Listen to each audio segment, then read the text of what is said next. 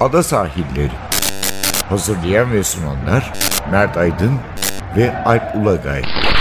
Londra'dan Dünya Spor Gündemi.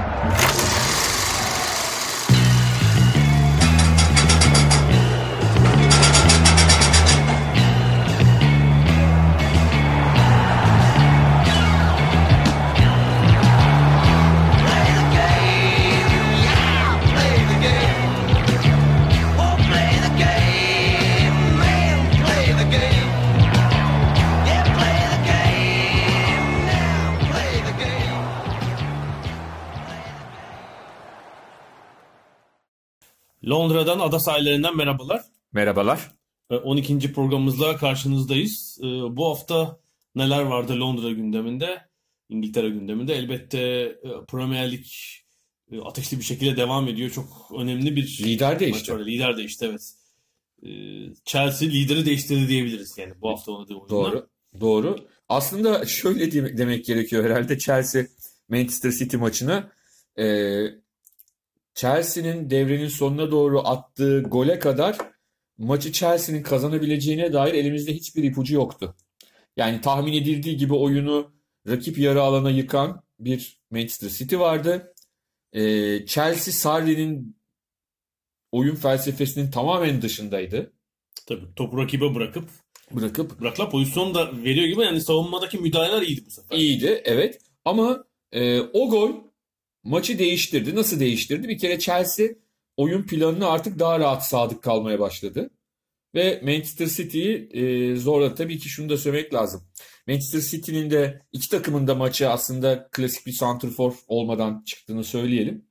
E, ama biraz City'ninki mecburiyetten olan bir şey. Yani 3 maçtır oynamıyor. Yani Agüero'nun sakatlığı var. Jesus oynadı ve yani o Jesus tam öyle e, Agüero ile bence evet. karşılaştırabileceğimiz bir Aynen. oyuncu değil. Bence ilerideki oyuncular arasında da en düşük kapasiteli olan oyuncu değil evet. yani. Yani, yani Chelsea tarafı ki zaten evet. olabilecek bir şey. Yani çünkü Morata'da, Giroud'da e, çok tatmin edici santrforlar olmadılar. Yani Giroud'un ben zaten çok gol atan bir or, e, hücum orta sahası varsa, grubunuz varsa onları oynatacaksın. Onları oynatacak adam.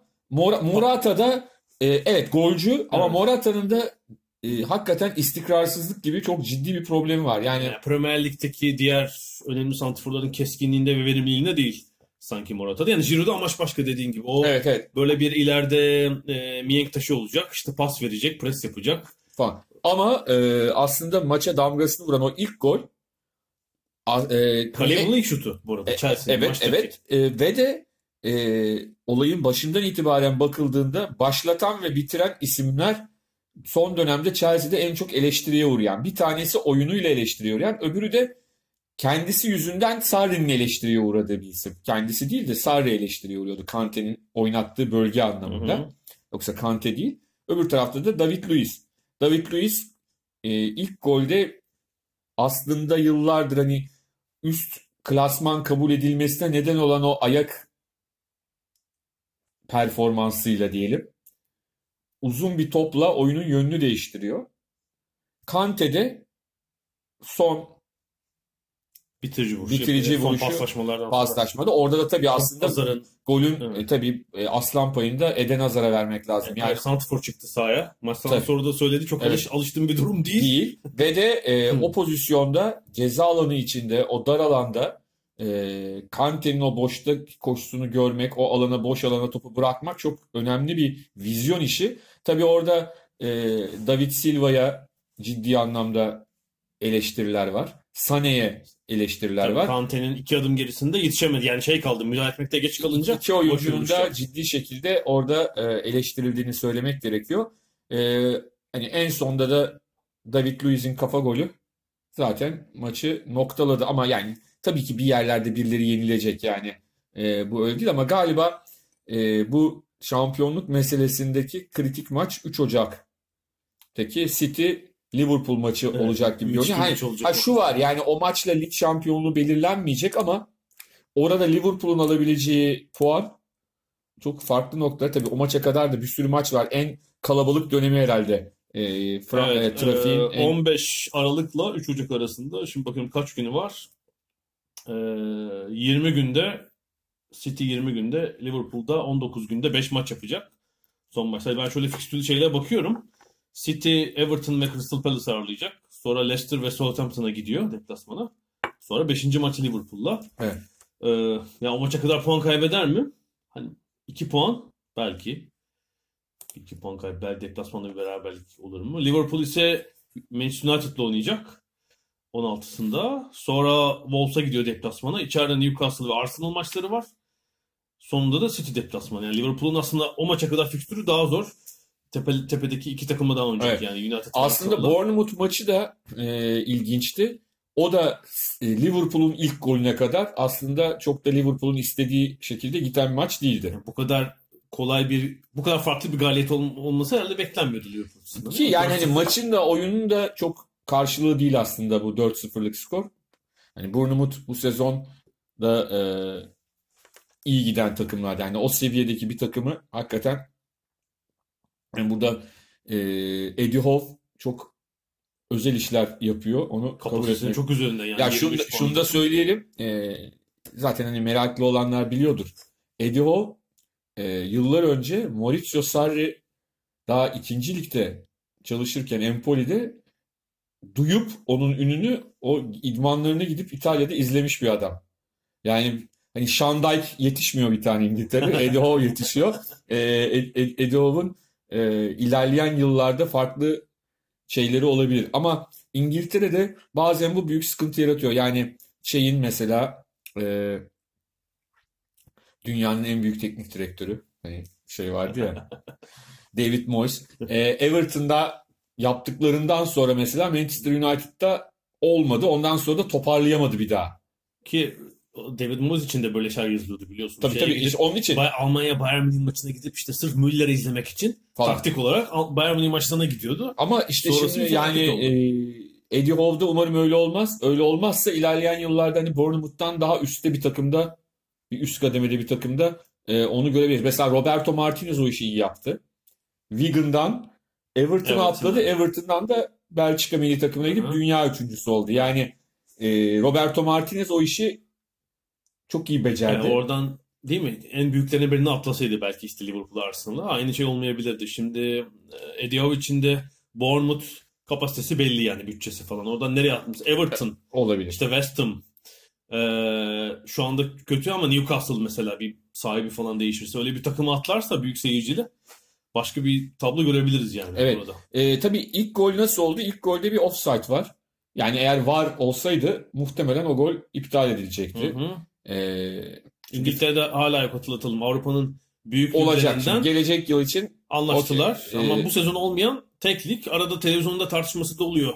Match of the Day'de. oluyor Değil ama şöyle bir şey var. Burada hani biz çok net olarak görüyoruz. Hani daha önce e, Türkiye'den baktığımızda da görüyorduk ama burada çok net görüyoruz. Burada da defalarca anlattık. Hı hı. Burada sisteme hakikaten acayip bir güven var. Ve bu yüzden de bu hatalara evet sinirleniyorlar mı? Sinirleniyorlar. Hı hı. ama çok fazla komplo teorileri de çıkmıyor. Ancak şeyler de çıkıyor. Yani hani gerçekten çok fanatik, çok böyle şey olan adamlar böyle Twitter'da aynen bizdeki gibi çıkıp işte Liverpool'umuzun hakkını yiyorlar. Yok e, City'nin bilmem nesi hak, olur falan diyorlar ama hak- Şeyler konuşuyor mu peki? Mesela takım, kulüp, işte onlar onlar yok. Hayır Yani şöyle işte. konuşuyorlar. Yani işte çok Maç bitimi 3 cümle edilir Ha, ama çok- hafta içi çok üzerinde- fanatik, çok fanatikler kendi aralarında sosyal medyada yapıyorlar. Ama genel anlamda ben anlattım yani Arsenal Everton maçında abi Arsenal yani bildiğin kabak gibi offside'dan gol attı. Evet, ilk programımızdı galiba. Evet. hatta. E, Sen yanı- Everton tribününde. Evet yanımdaki Everton'lı ve yani ki deplasmana gelmiş adam zaten normal taraftar değildir. Yani biraz daha e, o eziyeti çekmeyi e, zul kabul etmeyen bir adamdır. Öyle bir adam yani. Yanımda küfür etmiyor da değil. Yani maç içinde küfür de ediyor bilmem ne de hani böyle çok pürüpak şey bir adam değil. Ya dedim offside'dan yediniz. Hani ben gaz getleri veriyorum adama. Ya olabilir ya hatadır falan dedi yani. Biliyorum dedi gördüm dedi offside dedi. O yüzden Eddie Howe da maçtan sonra e, çok böyle abartılı olmayan hani şimdi bunu Mourinho'nun başına gelse neler yapardı?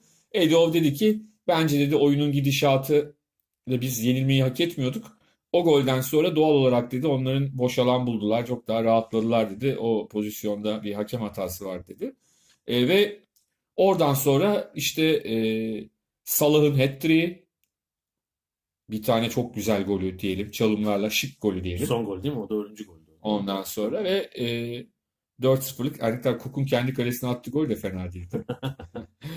e, ve Liverpool e, şöyle bir şey var. Erken maçtı. Günün erken maçıydı.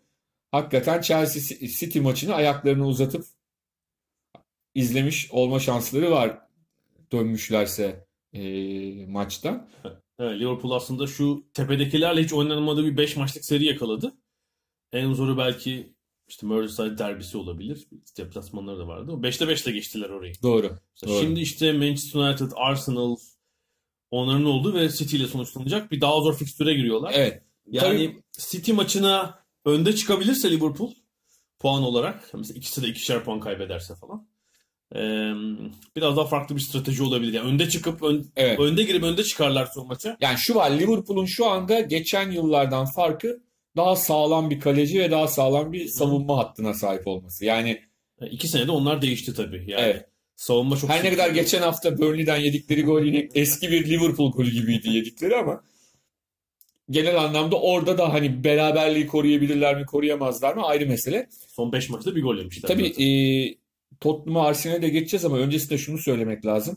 E, Chelsea Manchester City maçında bir ırkçılık hadisesi yaşandı. Evet geçen hafta konuştuk hatırlarsınız. Tottenham Arsenal maçında, Arsenal Tottenham maçında oldu. Aubameyang'a muz kabuğu fırlatılmıştı. Sonra Kıbrıslı çıktı o kişi ve ben hani ırkçı değilim özür diliyorum falan dedi. Bu sefer belki daha kötüsü oldu. Ee, Sterling. Sterling.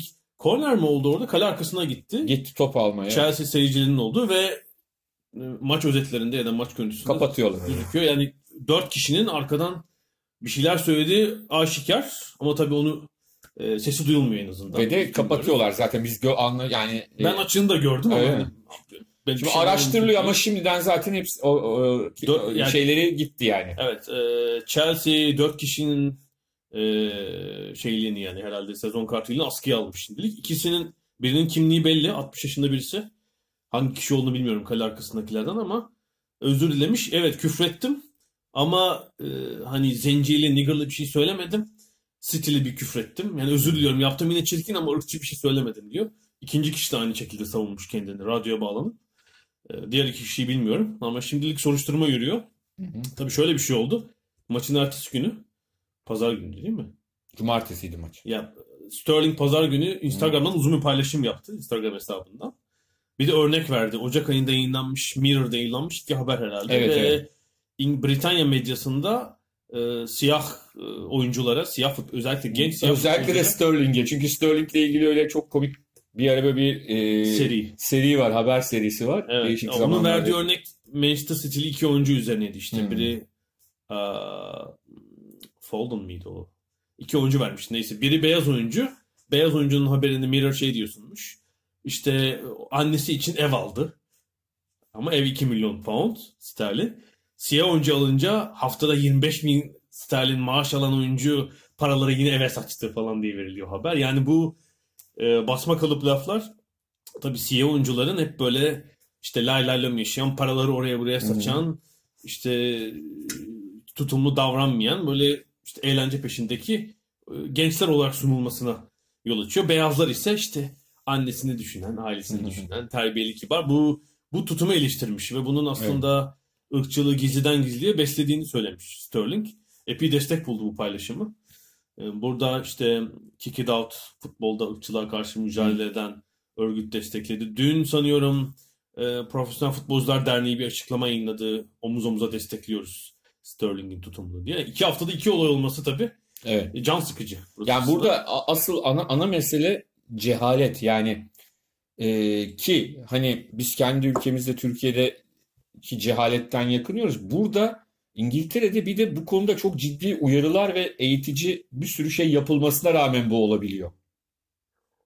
Yani hani biz ülkemizde şey zannediyoruz ya sadece siyahlara yapılan ırkçılık başka kimseye yaparsa ırkçılık sayılmıyor gibi saçma sapan bir şeyimiz var bizim. Bir iki kuşak çok Amerikan filmi dizisi. Tabii. Kunta Kinte doğal olarak hepimiz onda şeyiz ne derler. Allah için Hı, orada e, hassas herkes yani. Siyahlara karşı. Gerçekten Türkiye'de yani vardır mutlaka ırkçı davrananlar ama hani ağırlıklı olarak Afrikalı futbolculara bayılırız. Amerikalı basketbolcular. Futbolculara ba- yani hiç, hiç öyle şey yapmaz. tabii ki istisnaları kaideyi bozmaz yapanların ama genel anlamda hani İngiltere ya da Amerika ile karşılaştırdığında siyahlara karşı daha hoşgörülü. Çünkü bunun çok basit bir nedeni var. Tarihimizde öyle bir şey yok yani hani ne E, siyah nüfus nerede var Türkiye'de? Ancak son dönemde 20 yılda İstanbul'un belli mahallelerinde. bir de şeyler var hani eski Afrika kökenli köyler Güneyder'de falan. falan, olanlar onlar da artık Türkleşmiş durumdalar Evet. zaten. Ama yani başka kişilere yapınca da yani şimdi sona bir şey yapılırsa bu ırkçılık olmayacak mı burada? Tottenham'lı sona birisi bir şey derse o da olacak. Onu da ırkçılık kabul edecekler. Biz de öyle zannetmiyoruz. Biz başka türlü zannediyoruz. Ee, ama burada çok ciddi şey var ne derler. Hassasiyet çok büyük. Yani bazen biz bile şaşırıyoruz. Ya bunda ne var hani burada Hı hı. Burada ayrımcılık bir şey yok ki diyorsun. Hani burada o kadar çekmişler ki çünkü. Artık hani senin anlayamadığın şeyin aslında gerçekten o öbürünü rahatsız ettiğini öğreniyorsun. Şey içinde. Yaşamın içinde. Bu çok önemli. Çünkü hani Mehmet Demirkol'un kulakları çınlasın onun güzel bir lafı vardır. Sen kendi söylediğin değil karşıdakinin nasıl algıladığı önemlidir. Karşıdaki bunu bir ırkçılık olarak algılıyorsa dememen gerekiyor onu zaten. Yani ana mesele ana mesele o. Ee, orada da yaşlı abi ya da işte o diğer arkadaşlar kendilerince ırkçı bir şey söylememiş olabilirler. Ama karşıdakinin bunu nasıl algıladığı Ya onlar tabii önemli. biz o kelimeleri kullanmadık diye savunmuşlar da. Anladım hani anladım. tabii. İşte ne kullandığı Yani ne kullanmadığı. söyleyip söylemediğini Tabii ki tabii Ha, ki tabii evet. ki. Ona bakacaklar zaten. Ya şeyi hatırlasana Jack Nicholson'ın Adam Sandler'ın bir filmi vardır Anger Management. Hı hı hı. Orada işte iyice delirtirler Adam Sandler'ı uçakta. Bir tane siyahi e, dev gibi bir güvenlik görevlisi Evet, evet, gelir. evet. O güvenlik görevlisini değil genel olarak hostesi ve çevredekilerin delirmesini kastederek yani e, sizle yani you people lafını kullanır. hı. Hani ne, nedir sorununuz you people Hı. der. Orada people'dan kastı hani tüm oradaki grup insan beyazı siyah fark etmeden hemen güvenlik görevlisi siyah, siyahları mı anladın? Tabii. Sen ne diyorsun deyip şey falan takar falan. Anlatabildim mi? Yani onun için e, biz, bize tabii çok uzak gelen bazı şeyler var. E, ama bizim de kendi ülkemizde bazı konularda daha hassas olmamızı aslında gerektiriyor. Siyahlar dediğim gibi çok fazla değil ama sadece e, ırkçılık dediğimiz şey sadece beyazların siyahlara yaptığı şey değildir. Bazı ülkelerde siyahların beyazlara yaptığı şeydir. Bazı ülkelerde e, Asyalılara yapılandır. Bazı ülkelerde Türklere yapılandır. Tabii azınlık ya da alışılmamış olan nüfus sonradan gelen Tabii. nüfus. Yani şimdi Ya Mesut Özil'in mesela şikayeti. evet, Mesut Özil böyle bir şeyde şikayetçisi Alman futbol ortamından. Gayet haklıydı böyle bir şikayetçi. evet, Ve bence Almanlar yeterince dikkate almadılar. Evet. Şu an yaşadıkları sorunun Ki yani gayet açık renkli bir insandır Mesut Özil. Yani iş sadece siyahlarla ya rengi değişik olanlarla yani Solingen'de yakılan Türkler bir ırkçılık cinayetine, ırkçı bir cinayete kurban gitmişlerdir. Yani orada hedef ırkçı bir şey.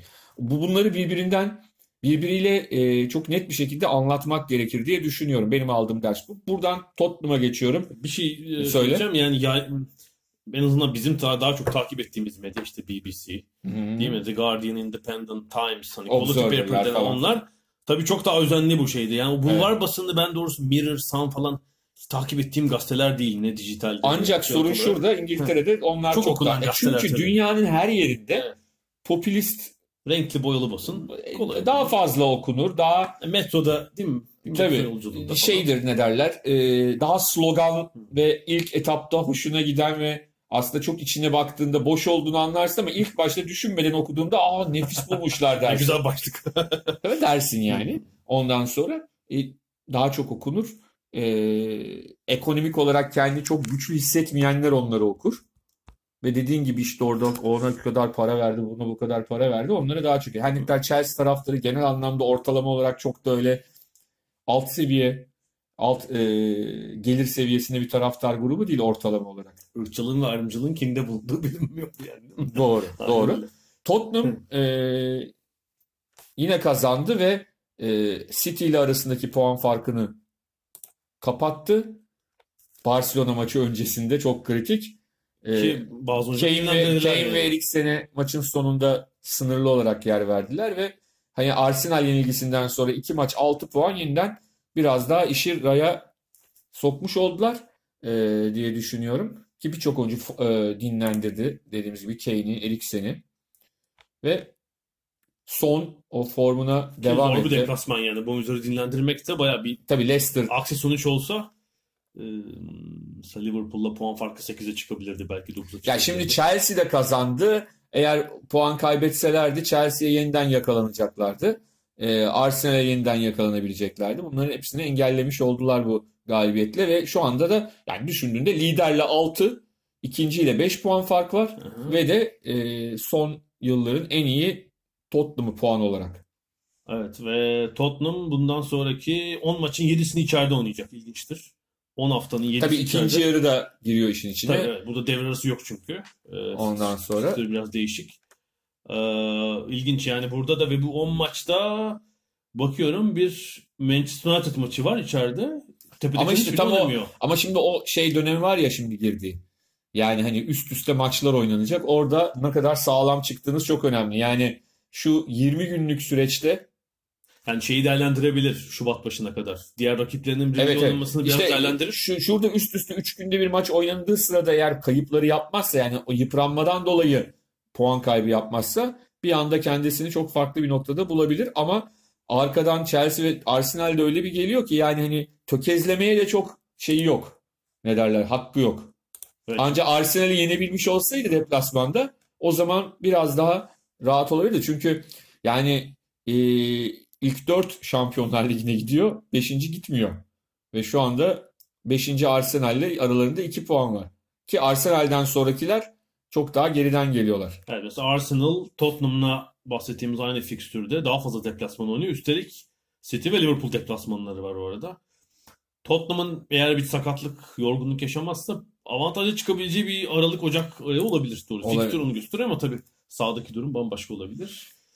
Ee, Maçlar oynanmadan kazanılmıyor. evet, Arsenal zor dönersin. Lucas Torreira şov, yap, şov yapmaya devam Evet ediyor. evet. evet. Harika bir gol attı. Röveşata ile bir gol attı. Haftanın herhalde en güzel Altıncı golü. kez sanıyorum maçın daha fazla attı. 6 ya da 7. kez maçın oyuncusu seçilmiş. Arsenal Yani maçında. aslında Arsenal'in zorlanması şu anlamda yani normal şartlarda Arsenal'in rahat kazanacağını düşünürdük ama sonuçta direnen bir rakibe karşı işi kolay değildi.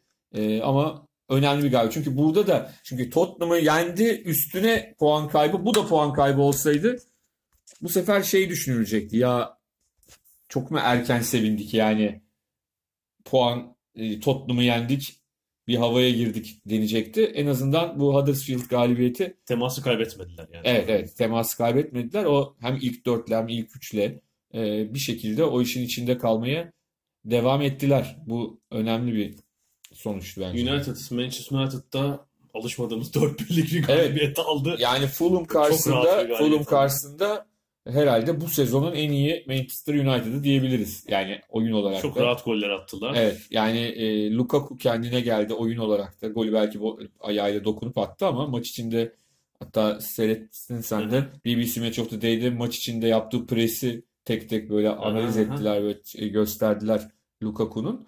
E, Rashford çok iyi oynadı ve çok da güzel bir gol Evet, attı. evet. Bir tane, bir tane attı, bir tane attırdı galiba. Attırdı. Attığı golde de çok büyük zeka gösterdi. Ayrıca da yeni bir sağ bek çıkıyor galiba İngiliz futbolunda. Manchester United yeni sağ bekiyle, genç sağ bekiyle farklı bir e, Ee, evet, kimi attılar sağ bekte? Sonradan mı girdi? Şimdi ben de bakıyorum maçın kadrosuna da bir yandan. Ee, yani 4-1 tabii iyi bir galibiyet ama United'ın yukarıyla teması sağlamasına henüz yetmiş değil. Yani üsttekiler puan kaybet kaybetmedikçe şey yapmak zor. Puan farkını kapatmak ve dördüncü sıradaki Chelsea şimdilik Şampiyonlar Ligi'ne gidecek son takımı gibi gözüküyor. Onunla farkı 8 puan United'ın. Yani Evet, bu yılbaşı döneminde ekstra bir şeylerin olması lazım. Onlar hiç puan kaybetmeyecekler. Üsttekiler hani bir iki yenilgi falan alacak ki yok. Yani çok United'ın çok zor. United o Avrupa kupalarına tutunacak. Ve de Şampiyonlar Ligi'ni kazanmaya gidecek yani. Hani okey de olur ya çift hiçbir şey elinde yoksa çiftle kazanmaya çalışsın. Onlar da direkt Evet, yani ligde 6. olup Şampiyonlar Ligi'ni falan kazanırsa Mourinho artık eliyle 3 mü yapar, 4 mü yapar? bayağı bir işaret yapar gerçekten. Ee, şu an e, pek şey verdiğini, umut verdiğini söyleyemeyeceğiz United'ın. Evet, Jose Teixeira sağ tarafta çok iyi oynadı. Hı, evet. Yeni United'ın 19 yaşındaki yeni sağ beki Portekiz. Dalot diyorlar onlar. Dalot tamam. Dalot'u geçti. Ben de oradan birden bulamadım. Maç şeyine bakarken, kadrosuna bakarken. Ya çünkü çok fazla bindirme yaptı. Ee, ve isabetli ortalar yaptı. İlerleyen dönemde e, Portekiz futbolunun İngiliz futboluna bir başka hediyesi olabilir. Evet istiyorsan ilk bölümü böyle kapayalım. Kapayalım. İkinci bölümde biraz da Libertadores Kupası'ndan konuşacağız. Tamam.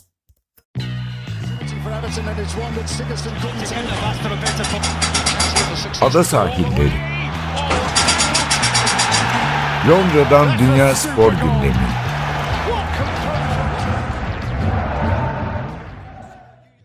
Ada sahillerinin ikinci bölümünde e, Libertadores Kupası'ndan biraz bahsedelim. Kupa Nihayet evet Gü- Güney Amerika'da oynanamadı. Avrupa'da tamamlandı. Avrupa'da ama dün kimdi? Birisi önceki gün şimdi e, bazen okuyorsunuz okuyorsunuz sosyal medyada sonra unutuyorsunuz sahiplerini. Yani e, özür dileyerek sahibinden sahibi. kimden aldığımı hatırlayamıyorum. Sonra çünkü. şey olmasın çalmışsınız paylaşımımı falan. Yok yani hani baştan kendi paylaşımım değildi. Tanı çok tanıdık biriydi de şimdi o yüzden emin ol yani meslektaşlarımızdan biriydi emin olamadım şimdi kim olduğunu yanlış bir şey söylemeyeyim. Ama güzel bir şey yaptı. Yani ironi burada şu. Ee, hani Arjantin, Güney Amerika, İspanyol İspanya'dan gelenler işte Aha, burada Geri geldiler. geldi. İspanya'ya geri gelmiş oldular. Ee, Evet, Avrupa'nın en Latini. Latin'inde herhalde oynanmış oldu. Evet. Onlar da aslında hani e, Arjantin'de Brezilya'ya göre daha şeydir. Avrupalıdır bence. Ha, evet, evet. İtalyan ve İspanyol göçmen ağırlığı herhalde beyaz nüfusun çok ağırlıklı olması Evet. Arjantin'de. Tabii Uruguay, Uruguay herhalde daha da Ha, tabii. Ama Uruguay çok Avrupalı. ufak tabii zaten. Evet, evet Arjantin daha Avrupalıdır. E, o anlamda da ilginçti. Buradan Metin Doğrucan'a da selam yollayalım. O da Arjantin'deki maça gidip seyredememişti. Evet maç eğer iptal edildiği için seyredememişti. Bu sefer e, 10 gün önceki buluşmamızda öğrendik ki Madrid açıklananını hemen ardından şey olmuş biletini almış. Aldı, evet. Uçak biletini maç Londra'dan gitti oraya. Evet, Sarı Meto diye Twitter'da da şey paylaşımlarına bakabilirsiniz. Gerçek bir futbol sever taraftar yani. Tabii tabii yani e, şöyle bir şey var ve uzatmaya gitti maç. Normal süresi berabere bitti. İşte 1-1 bitti ve uzatmada River Plate 3-1'lik bir galibiyet elde etti. Ki ilk golü yemelerine rağmen. Emelerine rağmen. E, ve River Plate ve Marcelo Gallardo e, teknik direktörleri son 4 yılda 2 3 yılda ikinci kez mi oldu? 4 yılda ikinci kez mi oldu? Son 3 yılda ikinci kez Libertadores'i müzesine götürmüş oldu.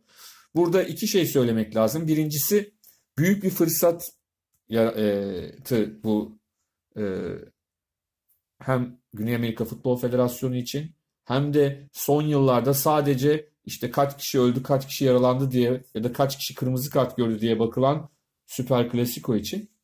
İlk etapta fırsatı maalesef iyi değerlendiremediler. Yani o ikinci maçtan önce yaşananlar, e, Buenos Aires'te yaşananlar açıkça söylemek gerekirse çok üzücüydü futbol adına. Ama oradaki orada Boca River'ın birlikteki birlikte gösterdikleri tavır iki kulübün bence bu maçın oynanmasını sağladı. Eğer orada River e, Boca'nın yaşadıklarına tepki vermeseydi ben buraya da gelmek istemedi önce Boca ama bence Boca kesin gelmezdi diye düşünüyorum.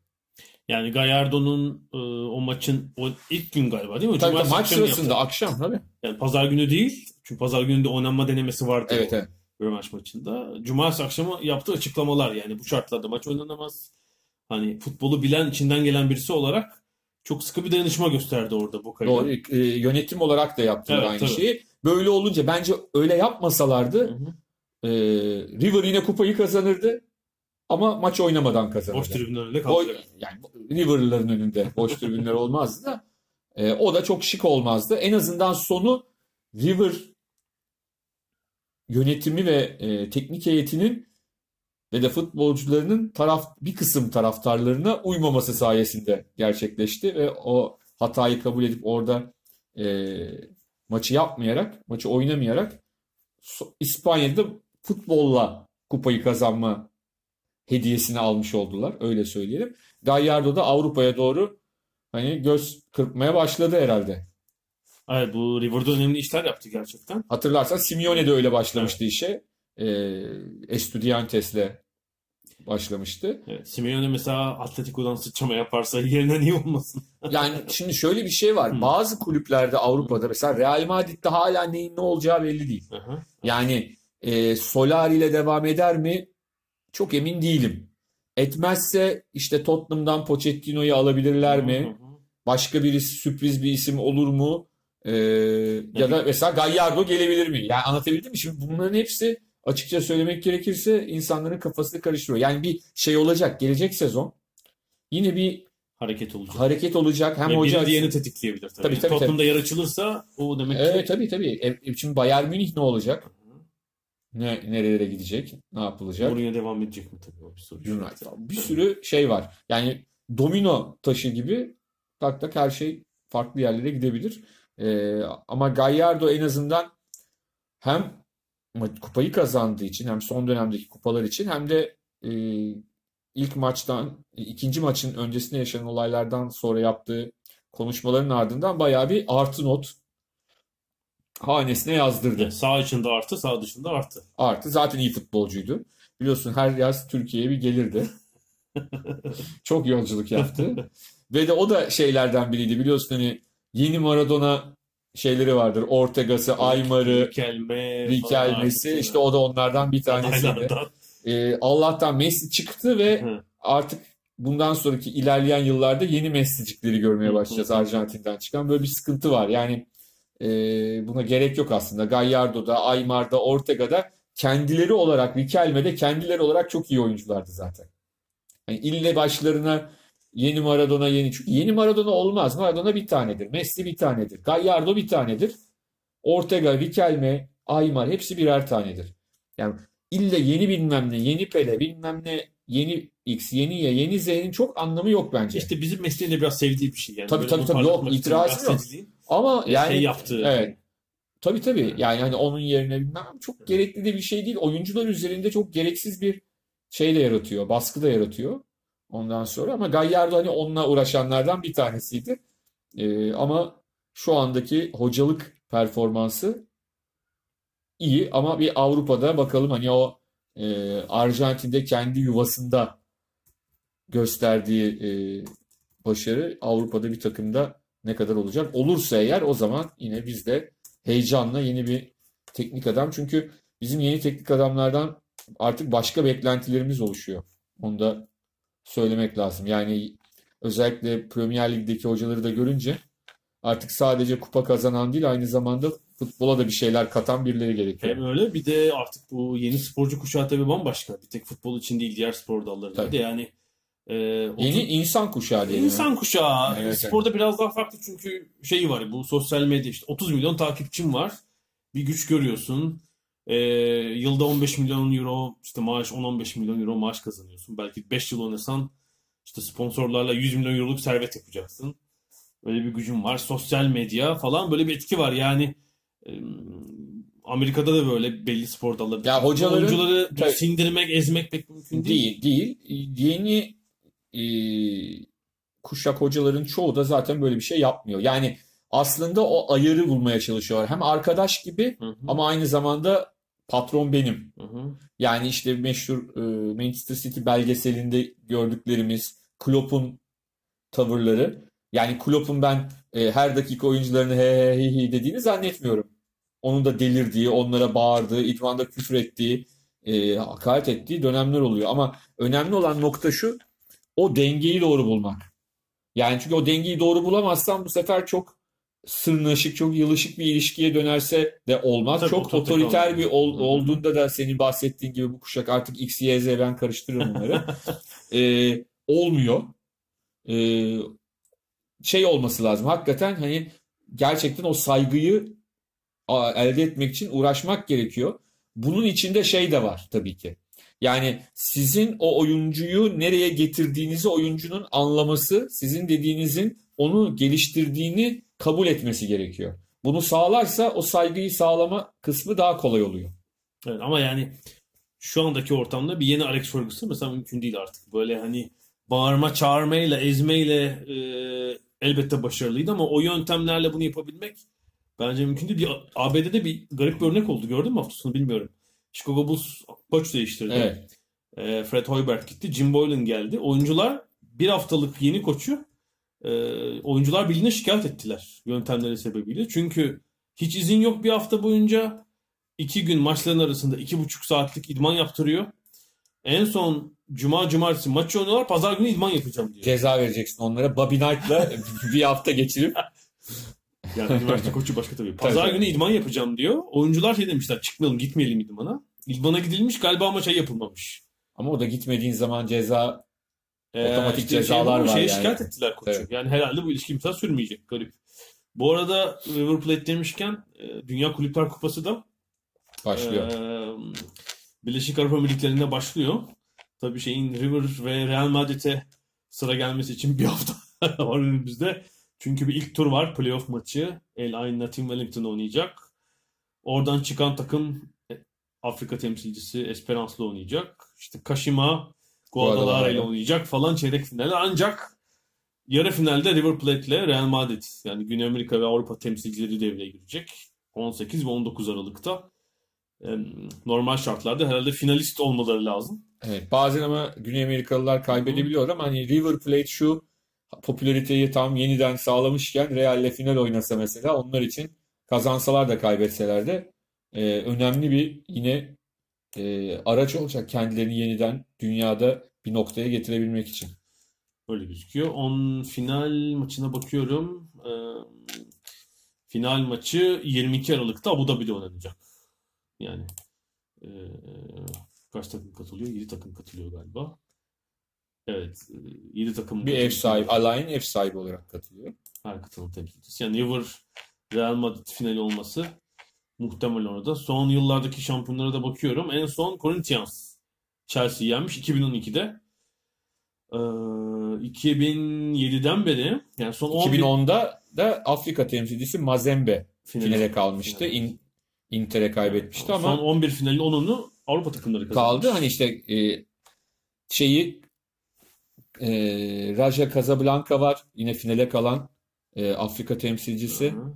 Yani Kashima var. Kashima var e, iki yıl Evet, önce. bayağı kaza yani son 10 yılda epey kaza uğramış. Güney, Güney Amerikalılar o kazaları vuruyorlar. E, onların da biraz herhalde üzerinde düşünmesi gerekiyor diye Tek kazanan da Corinthians. İşte bu da herhalde Avrupa ile e, Güney Amerika'nın kulüplerinin daha doğrusu açılan fark. 2006'da da Internasyonel Barcelona'yı yenmişti. E, Ama ondan sonra işte sonraki Ondan 11'de önceki de- yılda Sao Paulo Liverpool'u yenmişti. Yani bir ara e, yeniden her şeyi yakalamış gibi görünüyorlar. Zaten genelde dengedeydi. Ondan önceki şeyi hatırlarsak 60'larda falan da öyle 70'lerde. Tabii 60'ların sonunda meşhur bir şey eşleşmesi var. Estudiantes Manchester United. Tekme Hani tokat. tekme tokat birbirlerine. Sen şeyi biliyor musun? E, Estudiantes'in en önemli oyuncularından biri Carlos Bilardo. Sonra hocalık yapan milli takımda. Carlos Bilardo aynı zamanda jinekolog. Doktorluğu boşuna değil onun. evet. Hı. ve e, çok ilginç bütün hani Hipokrat yemini falan hı. E, bir yana koyuyor. Hı hı. Arjantin Ligi maçları için hı, söylüyorum hı. bunu.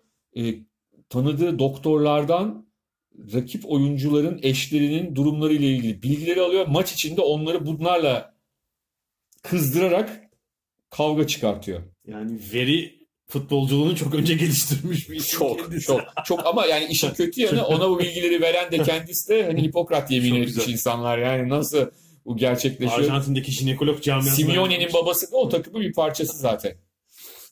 şey bilardo yani takımları da zaten sert takımlardı. Simeone de öyle. Biraz etkilenme olmuş belli ki.